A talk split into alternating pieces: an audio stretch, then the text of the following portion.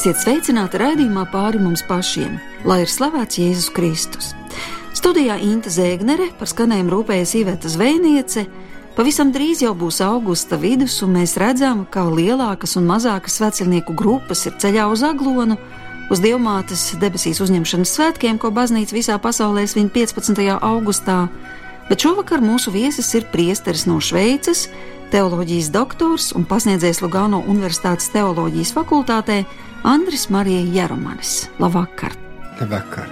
Jūs pats esat savā dzīvē svētceļojis kājām daudzus tūkstošus kilometrus, un kad 90. gados bijāt Rīgas garīgā semināra rektors, šķiet, vairākus gadus jūs vadījāt svētceļniekus no Liepājas, pats, protams, ejot šos 500 km viņiem līdzi, vai pareizāk sakot, garīgi aicinot viņus iet uz priekšu. Toreiz līdz ar atmodu 90. gados strauji atjaunojās arī svētceļojuma kustība. Bet gribu vaicāt, kāda jums šodien ir sajūta, tuvojoties aglonas laikam un aglonas svētkiem, vai pašam arī nav tāda mazliet nostalģiska vēlme vēlreiz šķērsot Latviju, un kādus svētceļniekus jūs šodien Latvijā sastopat savā ceļā? Vai daudz kas pa šo laiku, kopš 90. gadiem, ir mainījies tieši svētceļniekos? Es redzēju to pašu deksmi, to pašu uguni, kas uh, savā laikā bija tajos jauniešos vai mazāk jaunos cilvēkos, kas mēroja šo tālo ceļu. Sveceļojuma gars ir palicis dzīves Latvijā. Protams, laiks mainās, cilvēki mainās, bet tā vēlēšanās atjaunoties iekšēji, atstājot ikdienas dzīvi, ir visiem klātesoši arī šodien. Un es domāju, ka tas būs līdz mūža beigām, kamēr būs cilvēki, kas gribēs iet šo ceļu. Visā Eiropas tradīcijā, kristīgā tradīcijā pastāv svētceļojuma nozīme. Domāsim tikai par Santiago di Compostela slaveno svētceļojumu, vai svētceļojumu uz Romu, vai svētceļojumu uz Jeruzalemi. Svētceļnieks atbrīvojās, svētceļnieks satiek citus cilvēkus, svētceļnieks gandara, svētceļnieks lāk mājās ar labākiem nodomiem, Es domāju, ka sveceļojumam ir liela nozīme tad, kad bija atmodas laiks, arī šodien eh, cilvēkam ir jāatjaunojās, lai šī jaunā valsts, ko grib celt, jauno sabiedrību, bez korupcijas, un, protams, zinādams, ka debesu valstība nepastāv ir šīs zemes, bet tomēr tam jaunam cilvēkam, um, kuram ir jāveido tā jaunā politika, viņam jāatjaunojās sirdī. Un es domāju, ka sveceļojums paliek aktuāls, tāpēc, ka viņš atgādina, ka mūsu dzīve nav nejaušība, ka mūsu dzīve ir nav tikai tāda blandīšanās, kad eh, mēs neesam, kā varētu teikt, cilvēki bez mērķa, bet mēs esam svētceļnieki, mūsu dzīve ir svēta. Mēs neesam klaidoņi. Un svētceļojums atgādina to katram no mums. Atgādina arī, ka mēs ejam uz pārdabisku dzīvi, ka mēs ejam uz debesīm, ka mēs neesam nejaušība. Svētceļojumam tā tad ir sociāla nozīme, garīga nozīme, reliģiska nozīme, un tīri cilvēciska nozīme un kultūrāla nozīme. Kāds ir bijis jūsu pirmais svētceļojums, kad jūs apzinājāties ceļa nozīmi? Nu, vienā brīdī tas notiek. Mans pirmais svētceļojums bija kājām uz Romu. Ko nozīmē kājām? Bet tas noteikti nebija no Latvijas, vai ne? Nē, tas bija no Beļģijas un no vienas svētceļojuma vietas, no Dievmāts uh, svētnīcas Borā pie Namīras pilsētas, un uh, es vienkārši biju vienu gadu iestājies garīgajā seminārē, es biju beidzis studijas medicīnā, Un es biju mazliet tā vīlies tajā vidē, domājams, ka pietiekoši nepiedāvā garīgumu. Un tieši tāpēc es katru gadu vasarā devos svētceļojumā un, un šķērsoju Eiropas ceļus vienu vai divu mēnešu laikā uz Romu. Tas bija svētajā gadā, 83. gadā, ja nemaldos. Un tur es nogāju 1700 km, apmēram 50 dienās. Viens pats jūs gājāt? Jā, viens pats ar Dievu, protams. Tā tad divatā. Divatā ar mm. Dievu. Es nebiju viens, es biju ar viņu kopā. Es atradu pirms neilga laika interviju, ko es devu Observatore Romano tieši tajā laikā. Un pārsteidzoši vienmēr lasītu, ko es domāju savā laikā pirms 20 gadiem vai pirms 25 gadiem. Un ko jūs toreiz domājāt? Es domāju, ka sveceļojums atbrīvo un tuvina Dievam un padara pazemīgu. Mums trūks pazemības, katram no mums trūks pazemības. Mēs iedomājamies, ka mēs esam kaut kas, mēs esam lepni, mēs esam pilni ar mūsu izglītību, ar to, ko mēs esam sasnieguši.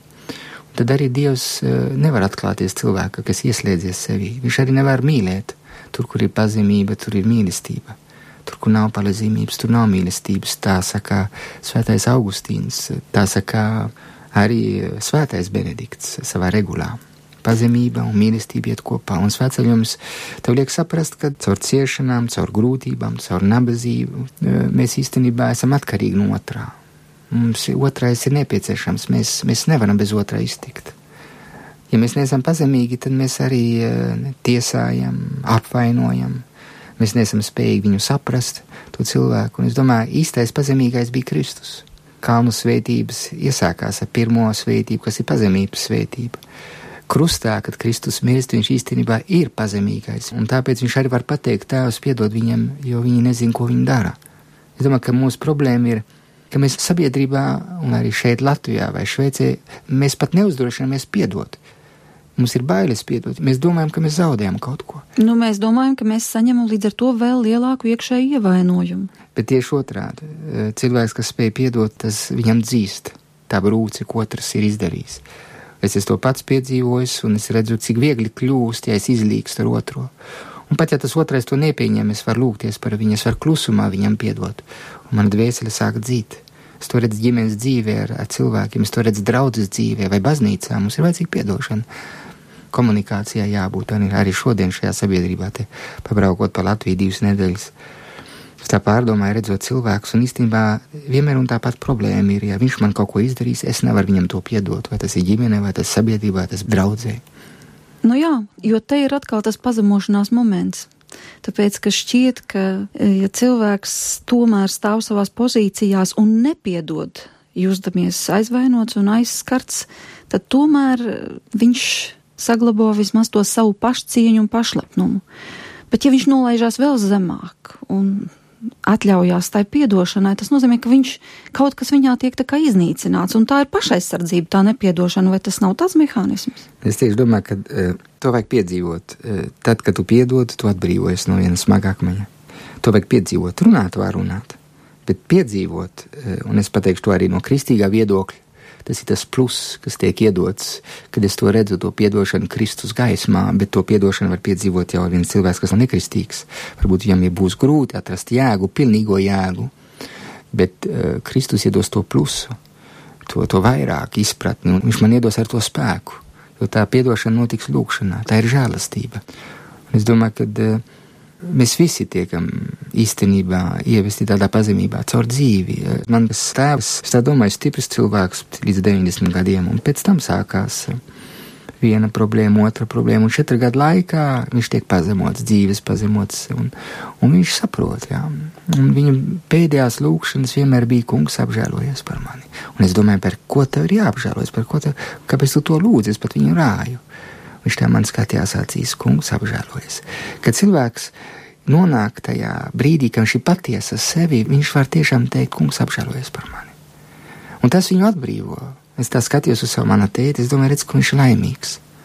Viņš ir laimīgs, viņš var piedot cilvēkiem, viņš viņam arī bija savs pašlepnums savā dzīvē, man nāk prātā, kā viņš kādreiz bija ass ar cilvēkiem, bet tas viss bija pazudis pēdējos gadus. Un viņš pieņēma savu stāvokli, savu situāciju, un viņš to skatījās Kristus gaismā, ticības gaismā. Un tas viņam deva iespēju mīlēt visus, arī tos, kas viņam bija darījuši pāri. Viņš nevienu vairs neaprunāja, viņš visu pieņēma, piedeva cilvēkiem, un, un uz, uz vaipstiem bija dieva mīlestība. Es domāju, ka to vajag piedzīvot. Mēs varam daudz ko runāt, daudz teorijas rakstīt par to. Arī redzēsim praktiskā dzīvē, kas tad tiešām trūks mūsu sabiedrībā. Tā agresivitāte, mēs esam asi viens pret otru. Tieši tāpēc, ka mēs esam ievainoti, bet, bet ne jau tāpēc, ka mēs ieslēdzamies mūsos, mēs sevi atbrīvojam. Nē, tā nav taisnība. Kristus mums atver vienu ceļu, viņš mums parāda, kā tu vari izlīt, kā tu vari atbrīvoties. Kristīgā reliģija jau īstenībā ir izlīkšanas reliģija. Un, ja viens kristietis neprot piedot, tad šeit man nāk prātā biskupa Sloskana vārdi, kas raksta saviem vecākiem no, no Sibīrijas. Viņš saka, tagad es spēju piedot visiem. Un viņš pieraksta saviem vecākiem, ja mēs tādi neesam spējīgi um, būt, mīlēt visus, tad mēs esam tikai fanātiķi. Tas nenozīmē, ka Viskam Sloskanam nebija patiesības izjūta, ka viņam nebija pārliecība par to, par savu identitāti. Nē, bet tieši viņa identitātei viņš atrada to spēku iet ar otro kopā un pielietot Jēzus pedagoģiju. Tas Jēzus, kas ir spējīgs iet kopā ar pāriem cilvēkiem, ar mūsu pasauli Arī mums, kā kristiešiem, mums ir jādzīvo vairāk, lai cilvēki mums jautātu, kāpēc tu tā dzīvo, kāpēc tu tā rīkojies. Jo mūsu dzīve jau runā par to, kas ir mūsos. Kā puslūdz Pāvils saka, es jau nedzīvoju, bet Kristus dzīvo manī. Un bieži vien mēs nedzīvojam kā cilvēki, kuri ir dieva pārņemti, kurā dievs ir iemiesojis. Ja mūsu dzīve ir jākļūst kā dieva vārdam. Un svētceļojums ir viens veids, kā īstenībā tu vienkāršojies. Ja mēs esam tik komplicēti, un tas svētceļojums ir vienkāršošanas process. Sākumā pirmās dienas mēs domājam par visu to, ko mēs esam atstājuši, par mūsu ērtībām, par apvainojumiem, par mūsu problēmām. Bet tas ar vienu vienkāršojas. Mēs, mēs cīnāmies, jo tas arī cīņas laiks, mēs cīnāmies ar mūsu vēlniem, ja tā var teikt. Tā teica tūkstneša tēvi, kas gāja tūkstnesī. Respektīvi ar kaut kādām domām vai ar ko? Jā, mēs cīnāmies ar mūsu domām, bet jau mums ir domas, mūsu sirdī ir domas, mūsu pieredzes. Mums ir pieredzes, mums ir pozitīvas un negatīvas. Un, un ja mēs tās neatrisinām, tad veidojas kompleksi, tad veidojas arī slimības, tad veidojas arī psihiska ievainojumi, kas pārveido arī mūsu raksturu. Un tajā ceļā tās domas sāk atdzīvoties, viņas sāk uzpeldēt. Ja viņas uzpeld, jo ikdienas dzīvē, jo mēs esam tā stresā, pār ar stresu pārņemti, mums nav laika vairs domāt. Mums ir mūzika, mums bailes no, no, no, no tukšuma, mums bailes no klusuma. Mēs esam stresēti, un, un tieši svētceļojums ir tas, ka, nu, atstājot visu malā, protams, uzpeld visi vēlni, ja tā varētu, tā teica baznīcas tēvi uzpeld tie ievainojumi, tās sliktās domas vai to, ko es neesmu atrisinājis. Un tad jau ir gandrīz bīstami iet tādā svētceļojumā. Jā, svētceļojumā kādreiz baznīcas tēva teica, ja tu ej uz tuksnesi, tu zini, ka tev būs jācīnās. Bet tās cīņas ir labāk izvestās cīņas.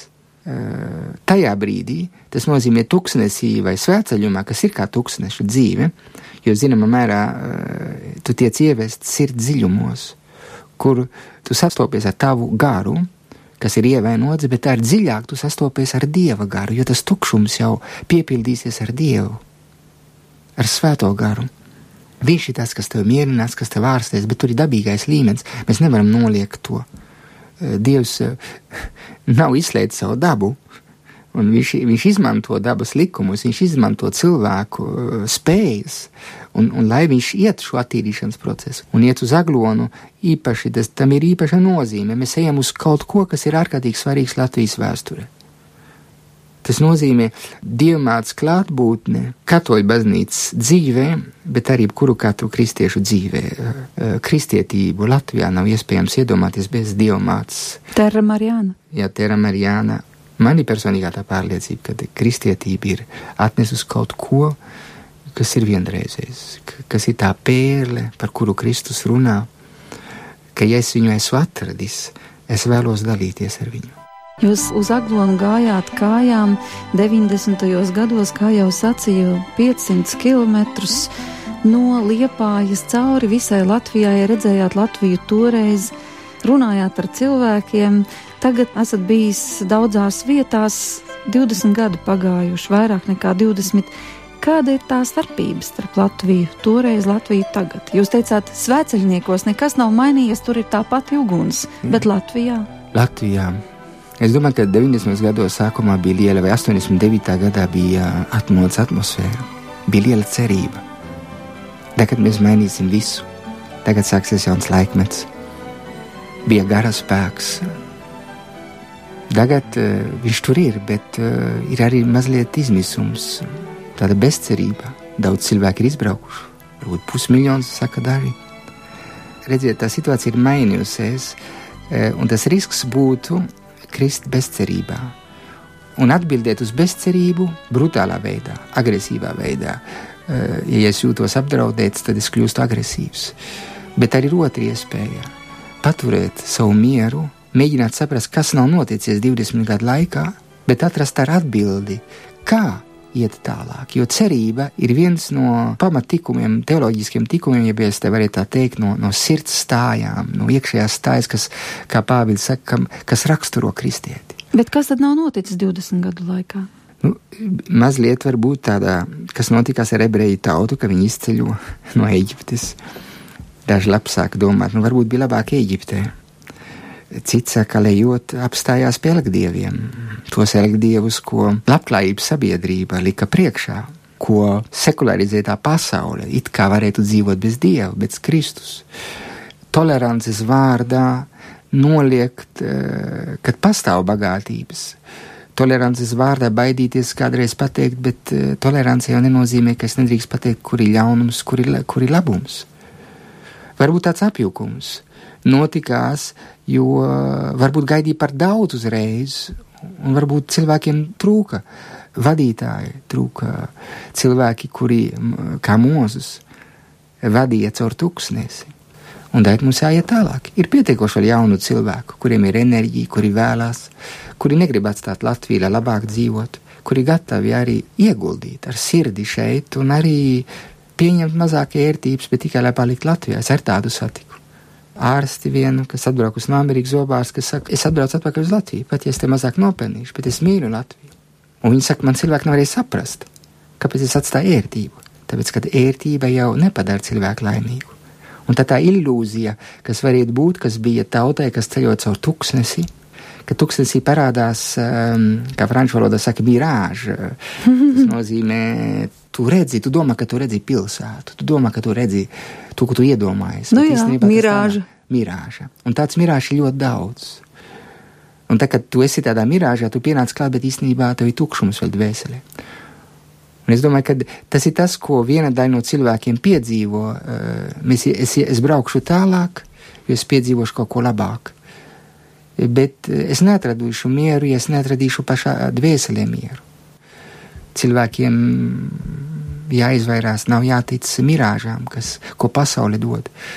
Cilvēkiem šeit Latvijā jāatcerās arī to mantojumu, ko viņi saņēmuši no vecākiem, no vecvecākiem. Un tas mantojums ir ārkārtīgi svarīgs. No man vecvecāts tēva saknes, ja tā varētu teikt, ir kā pāris simt cilvēki. Un tas ir ārkārtīgi svarīgs moments, kur saprotam, ka tie cilvēki, kuriem bija lielas ģimenes, viņi arī spēja radīt to ģimenes izjūtu, un viņi arī apstrādāja šo so, so zemi. Viņi bija, bija cilvēki, kas deva tādu sajūtu, šeit ir kaut kas. Viena no problēmām Latvijā, ka tās ģimenes viņas nav. Tur, kur nav ģimene, tur nav nākotnes, kur uh, nav politika, kas palīdz mātei palikt mājās, uh, lai bērnu uzaudzinātu, kur nedomā vispirms par ģimeni. Jo kuri ģimenes, tur būs ar bērni, kuri bērni būs ekonomika ies, kur būs bērni, tur ies pensiju sistēma, vecie cilvēki tiks atbalstīti. atbalstīti. Tur, kur nav bērni, tur nav dzīvības, tur ir nāve. Es domāju, tā, tā ir tā, tas, kas man tā parādās kā tā doma, spēcīga doma, ģimeni jāizglāb Latvijā. Baznīcā jāizstāv ģimeni sabiedrībā, skolā. Mums ir jāveic viņa ģimeni. Un, ja ir tik daudz ģimenes, kas ir izjukuši, tad viņām ir jāpalīdz. Kā palīdzēt ģimenēm, kā palīdzēt bērniem, un palīdzēt bērniņiem, kā palīdzēt ģimenēm, jo katrs bērns ir dzīvība, katrs bērns ir nākotne, valstī. Bet, ja tu nemīli, tu necerēsi, jo tu redzēsi, ka nekas nedīkst, tikai tukšums. Mirāža jau, jau tikai īstenībā tukšumu atklāja tevī. Un tā ir vilšanās. Jūs mēģināt cik vien bieži iespējams ierasties Latvijā, šobrīd dzīvojat Šveicē, bet tad man gribas vaicāt, kāda tad izskatās Šveice šajā garīgajā laukā? Šeit bija ieradies priesteris Ralfs Šonenbergers. Viņš sacīja, Šveice ir tik sakārtot un pārtikus, ka cilvēki kļūst pašpietiekami, ka viņiem zūd sajūta, ka viņu dzīve būtu vispār no dieva atkarīga. Viņiem viss ir. Ko tad vēl lūgt? Bet viņiem jānomirst arī. Tas Kad, ir pēc tam. Jā, bet daudz cilvēku e, tomēr grūtību brīžos meklēs garīgo palīdzību. Un eh, es tieši tajā brīdī eh, pārdomāju vienmēr par cilvēkiem, un es viņiem mēģinu palīdzēt saprast, bet kāpēc tagad? Varbūt ātrāk vajadzēja domāt. Un tad tagad no šī punkta mēs varam iziet, no krusta jāiziet.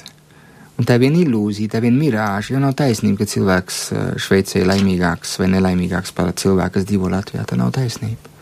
Ļoti drosmīgs apgalvojums. Jā. Katrs latviečs jums pateiks, ka Šveicē visi dzīvo tā labāk. Tā ir ilūzija tā domāt, jā. Es runāju ar cilvēkiem, es redzu tās grūtības, kas ir dvēselē. Cilvēks pats ir sapīnies iekšēji. Bet ko viņam sapīties? Viņš ir materiāli nodrošināts. Viņam ir māja, mašīna, un paldies bet, Dievam, bet cerams arī. To, viņš ir slims ar to, ka viņš svētdienās nezin, ko darīt. Viņš ir slims ar to, ka viņam ir pārpilnība, un viņš arī slims ar to, ka viņam nepietiek naudas. Ja? Jo, jo nepietiek tāda mašīna, vajag divas mašīnas, ģimenei vajag trīs mašīnas, katram bērnam vajag viena mašīna, un tik un tā tā nauda nepietiek. un jābrauc uz, uz, uz, uz tālāk, ar vien tālāk uz atvaļinājumu. Es negribu pateikt, ka viss ir slikts un tā, nē, tikai vienkārši pasaku, ka risks pastāv jebkuram katram cilvēkam. Un kad ir jāpateicās Dievam, ka, ja ir tā manta, bet tā manta ir jāizmanto labi. Un Kristus vienmēr, vienmēr brīdināja. Viņš nenoliedza bagātību, viņš vienmēr pateica uzmanies. Tā var kļūt par mirāžu, par ilūziju. Tu vari tavu spēku, it kā tavu drošību likt uz naudu, uz mantu. Un tad, kad nāk slimība, jo tā viņa nāk, jeb kad tev pazūd kāds rats, vai kā pats tu zaudē dzīvību, jo gandrīz zaudē, tad tu sāc apiekties. Nu, bet jūs ejat eh, pa ielām, piemēram, šeit, Rīgā vai kādā citā pilsētā Latvijā un nu, ejat Lugāno vai, nu, vēl kādā no Šveices pilsētām. Nu, un pasakiet, lūdzu, tomēr taču varbūt cilvēks sajās jūs kaut ko manāt. Latvijas būs ar pēc rakstura aizvēries vairāk, jā. viņš nekomunicēs tik daudz, un tas viņš nebūs tik ekspansīvs, jā, kā viens šveicietis, kas ir uh, itāļu daļā, bet šveicietis, kas dzīvo vācu daļā, ir ar rezervētāks, viņš arī ieslēdzies vairāk sevī. Un es, es neteiktu, ka viens jaunietis, kas ir Šveicē, ir priecīgāks par vienu, kas ir Latvijā. Bet kopīgā gaisotne, kopīgā atmosfēra? Tā valsts kā tāda ir sakārtotāka, un tas var palīdzēt. Un, protams, Latvija ir jāsakārto. Nevajag saukt melnu par baltu. Ir lietas, kas neiet Latvijā. Un tas ir skaidrs, ka neiet. Bet nevajag krist tādā ilūzijā, domādams, ka tagad eh, citur būs labāk, ja es to nesakārtošu mājās. Un nevajag domāt, ka tagad Šveice ir paradīze. Kāpēc nedaudziem tā šķiet? Tā vien tā šķiet jau uz paskārtiņas, jā. Bet tad, kad jādzīvo, tad, kad jāstrādā, tad, kad jābūt precīzam, tad, kad jāiet stresa dzīvē, tad varbūt ir citādāk. Tur ir citas verdzības. Un kādas tās būtu? Piektā mašīna?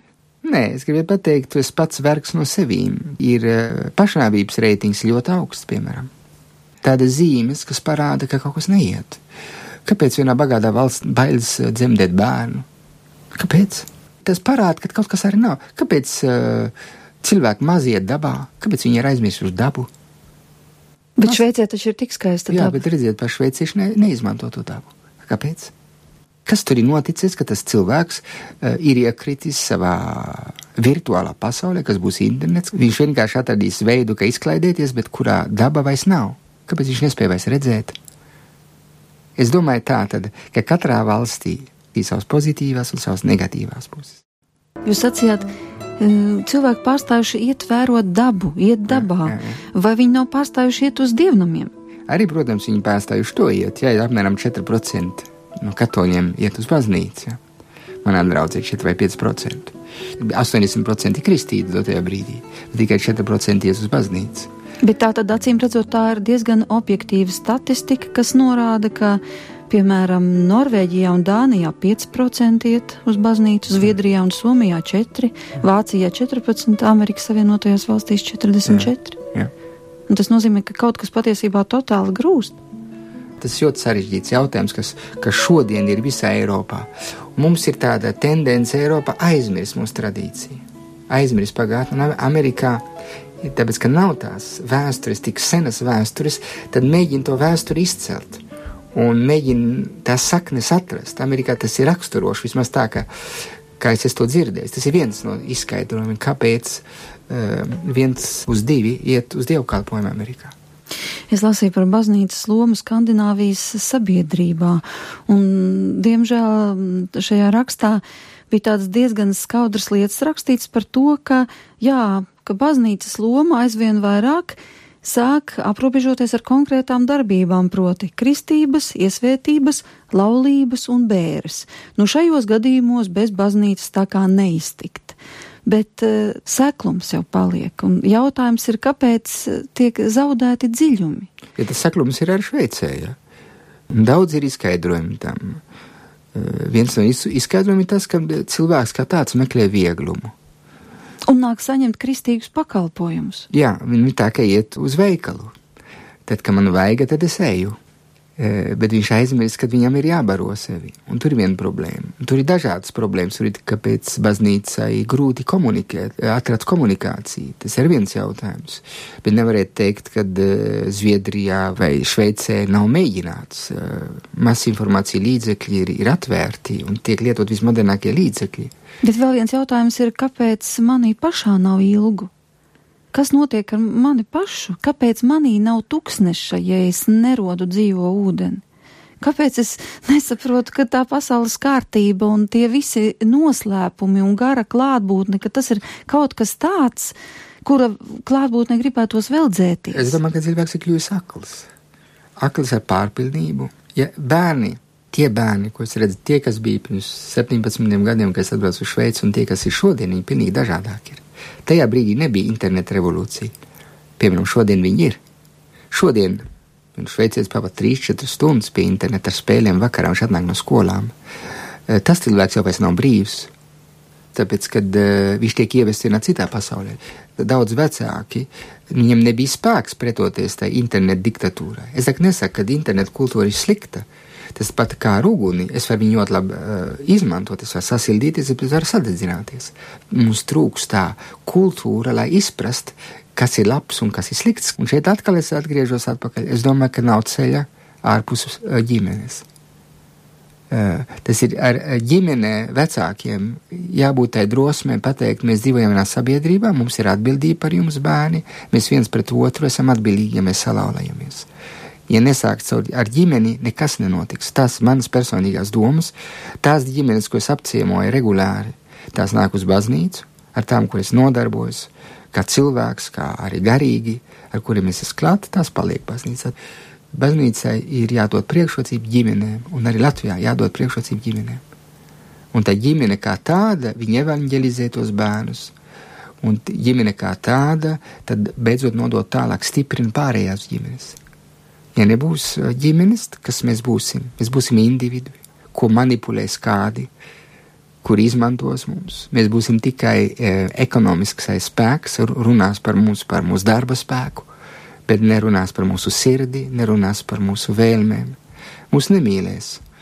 Un nepietiek pateikt, mums ir viens tehnisks, spēcīgs uh, cilvēks, un tagad viņš var izvadīt valsti no, no tūkstneša. Valsts nav debesu valstība, un jābūt realistam. Uh, kaut vai mēs ievēlētu desmit godīgus cilvēkus vai divdesmit, tad rodās tāds vilnis, kad godīgais vēl godīgo, bet kāpēc godīgam jākļūst par nedo, negodīgo politiskā vidē? Kāpēc ir jādzird tā valoda? Nu, ja tu esi politiku taisījis, tad tu esi kompromisu taisījis, tad tu vari pat ar, par, ar vēlnu sēžat pie tā paša galda, un viņš tev pats piekrāpa, un tu pats tāds kļūsti. Vai nevajadzētu būt otrādi? Protams, tas ir idealistisks skatījums, bet mums tāds ir jābūt. Un tagad es iziešu no katoliskās puses, e, sociālā mācība, baznīca sociālā mācība vienmēr ir uzsvērusi, ka politika ir aicinājums. Ka tie cilvēki, kas iestājās e, par sabiedrību, tiem ir jāapzinās, ka viņiem, viņu atbildība ir, ir pāri e, viņu makam, ka viņu atbildība iet pāri citām ģimenēm, iet pāri pilsētiņai. Iet pāri cilvēku likteņiem. Jā. Pēc otrā pasaules kara tie politiķi, kas veidoja Eiropas ideju, pirms ka viņi parakstīja Romas tādu līgumu, vienu nedēļu bija rekolekcijās. Un tajā laikā tas kaut ko nozīmē. Mūsdienā to neviens nedara. Kad parakstīja Maastrichts uh, līgumu, neviens neaizbrauc uz rekolekcijām. Bet lūk, tāpēc, ka tie cilvēki, mēs tojos cilvēkos to vairs negaidām. Bet tajā laikā Adenauers, De Gasperi, Šūmans un pārējie nolēma, ka šis ir svarīgs moments, mums ir jāpārdomā, mums jāpārunā, bet mums arī jāsakop mūsu garu. Jālūdzās citiem jālūdzās, Un tas būtu arī iespējams mūsu sabiedrībā, kas uzskata sevi par sekulāru valsti, kur, protams, reliģija atdalīta no valsts, bet nav atdalīta no garīguma, no, nav atdalīta no savas kultūras, no cilvēka vēlēšanas tomēr iegūt mieru. Kā es varu pareizu politiku vest, ja manam dvēseli nav mierā?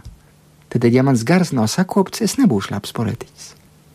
Ļoti augsta kritērija. Augsts kritērija. Svētceļums ir veids, kā ar visu tautu. Pat tie, tie svētceļnieki, kas ieta kājām, viņi visai Latvijai atgādina, kāds ceļš ir. Un tāpēc labi, tas, kas iet, viņš lūdzās par pāriem, ka Mozus kādreiz lūdzās, viņš pacēlis rokas, viņš lūdzās par tautu. Un es domāju, svētceļnieki, ka es nezinu, cik viņi tur būs. Kas ir kā tie, kas aizbrauks 70 tūkstoši, varbūt vai 50, viņi lūksies pa pārējiem. Svētceļojums eh, ved uz pozitīvo, viņš ved uz gaismu. Un uh, pat grūtībās mēs atrodam spēku atsākt rītā. Pēc viena svētceļojuma atsākt mūsu dzīvi un varbūt tālāk skatīties. Bet ir kaut kāds brīdis, kad notiek lūzums cilvēkā. Nu, viņš iziet tāds, kāds ir, ar savām mājas rūpēm, ar domām, ar ievainojumiem, kas uzpeld un visu, kas nu ceļa laikā parādās. Bet vienā brīdī taču notiek tas lūzums. Citā taču viņš atnākt uz to svētvietu tāds pats, kāds no galvaspilsētas izgāja. Ja es domāju, ka dažiem cilvēkiem tas notiek, dažiem tas ir viens process, kas, kas ilgs vēl vairāk svētceļojums. Es satiku cilvēkus, kas devīto reizi iet. Bet viņi jau nevarēs teikt, ka nekas pa to laiku nav mainījies. Nē, bet viņiem redz svētceļojums jau turpinās mājās ja tava dzīve ir svētceļojums. Un visa tava dzīve kļūst par svētceļu, jo tu dzīvoji no tās idejas un no tā, kas ir noticis. Un tu nākošu gadu vai pēc diviem gadiem atkal iesi. Tas ir dinamiski. Mums jāpieņem, ka neviens no mums nav pilnīgs. Mums jāpieņem, ka mēs nesam sasnieguši mūsu pilnīgo attīstību un ka garīgā plāksnē mēs varam atjaunoties līdz mūža beigām. Pat ja mūsu ķermenis kļūst vien vājāks, mēs varam atjaunoties. Skatot uz manu veco tēvu, es uzskatu, ka 94 gadu vecumā, kad viņš nomira, viņš bija tuvu pilnībai. Caur ciešanām, caur pazīmību, kurā viņš tika ievests, un es domāju, ka tas parāda vien, ka cilvēks var atjaunoties. Cilvēka gars ir jauns, dvēsele ir jauna, dvēsele nav gadu, dvēsele ir mūžīga. Un vienkārši mēs viņu nebarojam, jo mēs iekrītām pirmā kārdinājumā, kas tiek uzstādīta Jēzum tuksnesī tad, kad tu gribētu dzīvot no mirāžiem, no maizes, bet cilvēks nedzīvo no maizes vien. Un es domāju, ka katreiz, kad tu atzīsti tavus grēkus, katreiz, kad tu saki, kungs, piedod man, un ja tu tici un pieņem grēksūdu sakramentu, tu atjaunojies kā jaunas kristības. Un tad tas jautājums, kas mēs esam, atrod tikai atbildi, ja mēs apzināmies, no kurienes mēs nākam un no kurienes mēs ejam. Un tad arī šodiena nav bēgšana no šīs dienas, bet es dzīvoju šī, šo dienu kā dāvanu. Un es mēģinu viņu piepildīt, un es mēģinu mīlēt un atdot sevi visvairāk. Ar tas prāvests eh, Jānis Marijas viennieks. Viņš teica tā, skaistā vēstulē. Cilvēks ir radīts, lai lūgties un lai mīlētu. Tas nozīmē pacelt savu galvu uz augšu, lai atdot sevi otram. Un es domāju, tas ir derīgs kristīgā sabiedrībā, derīgs mūsu it kā sekularizētā sabiedrībā Cilvēks ir radīts, lai neaizmirst, ka viņam viena iekšējā dimensija, ka viņam ir jāmeklē. Viņš nevar aizmirst savu iekšējo dimensiju. Jo tā ir mūsos, tā ir māksla, tā ir mūzika, bet arī tas vēl nepietiek, tad viņam ir jāmeklē tālāk. Un es ticu, ka tas viņu novedīs līdz patiesībai. Mēs nevaram dzīvot, ja mēs ieraujamies sevi. Nav nākotnes Latvijā, ja mēs ieraujamies sevi. Lūksimies un mīlēsim, un svētceļums ir lūkšanas skola un mīlestības skola un to tas atgādina katram cilvēkam, kas dzīvo Latvijā.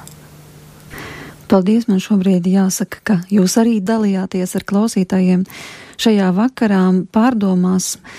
Mūsu viesis bija teoloģijas doktors un priesteris, jāsaka, šobrīd no Šveices, bet varētu teikt arī no Latvijas, jo jūsu saknes jau ir Latvijā un jūsu dzimtes saknes ir Latvijā. Un, un mana sirds arī Latvijā. Es nepavadu dienu, kad es nelūdzos par Latviju un to ir ļoti prieks dzirdēt. Paldies par šī vakara sarunu. Kopā ar jums bija priesteris Andris Marija Jeramans un pie mikrofona bija arī Inte Zēgnere.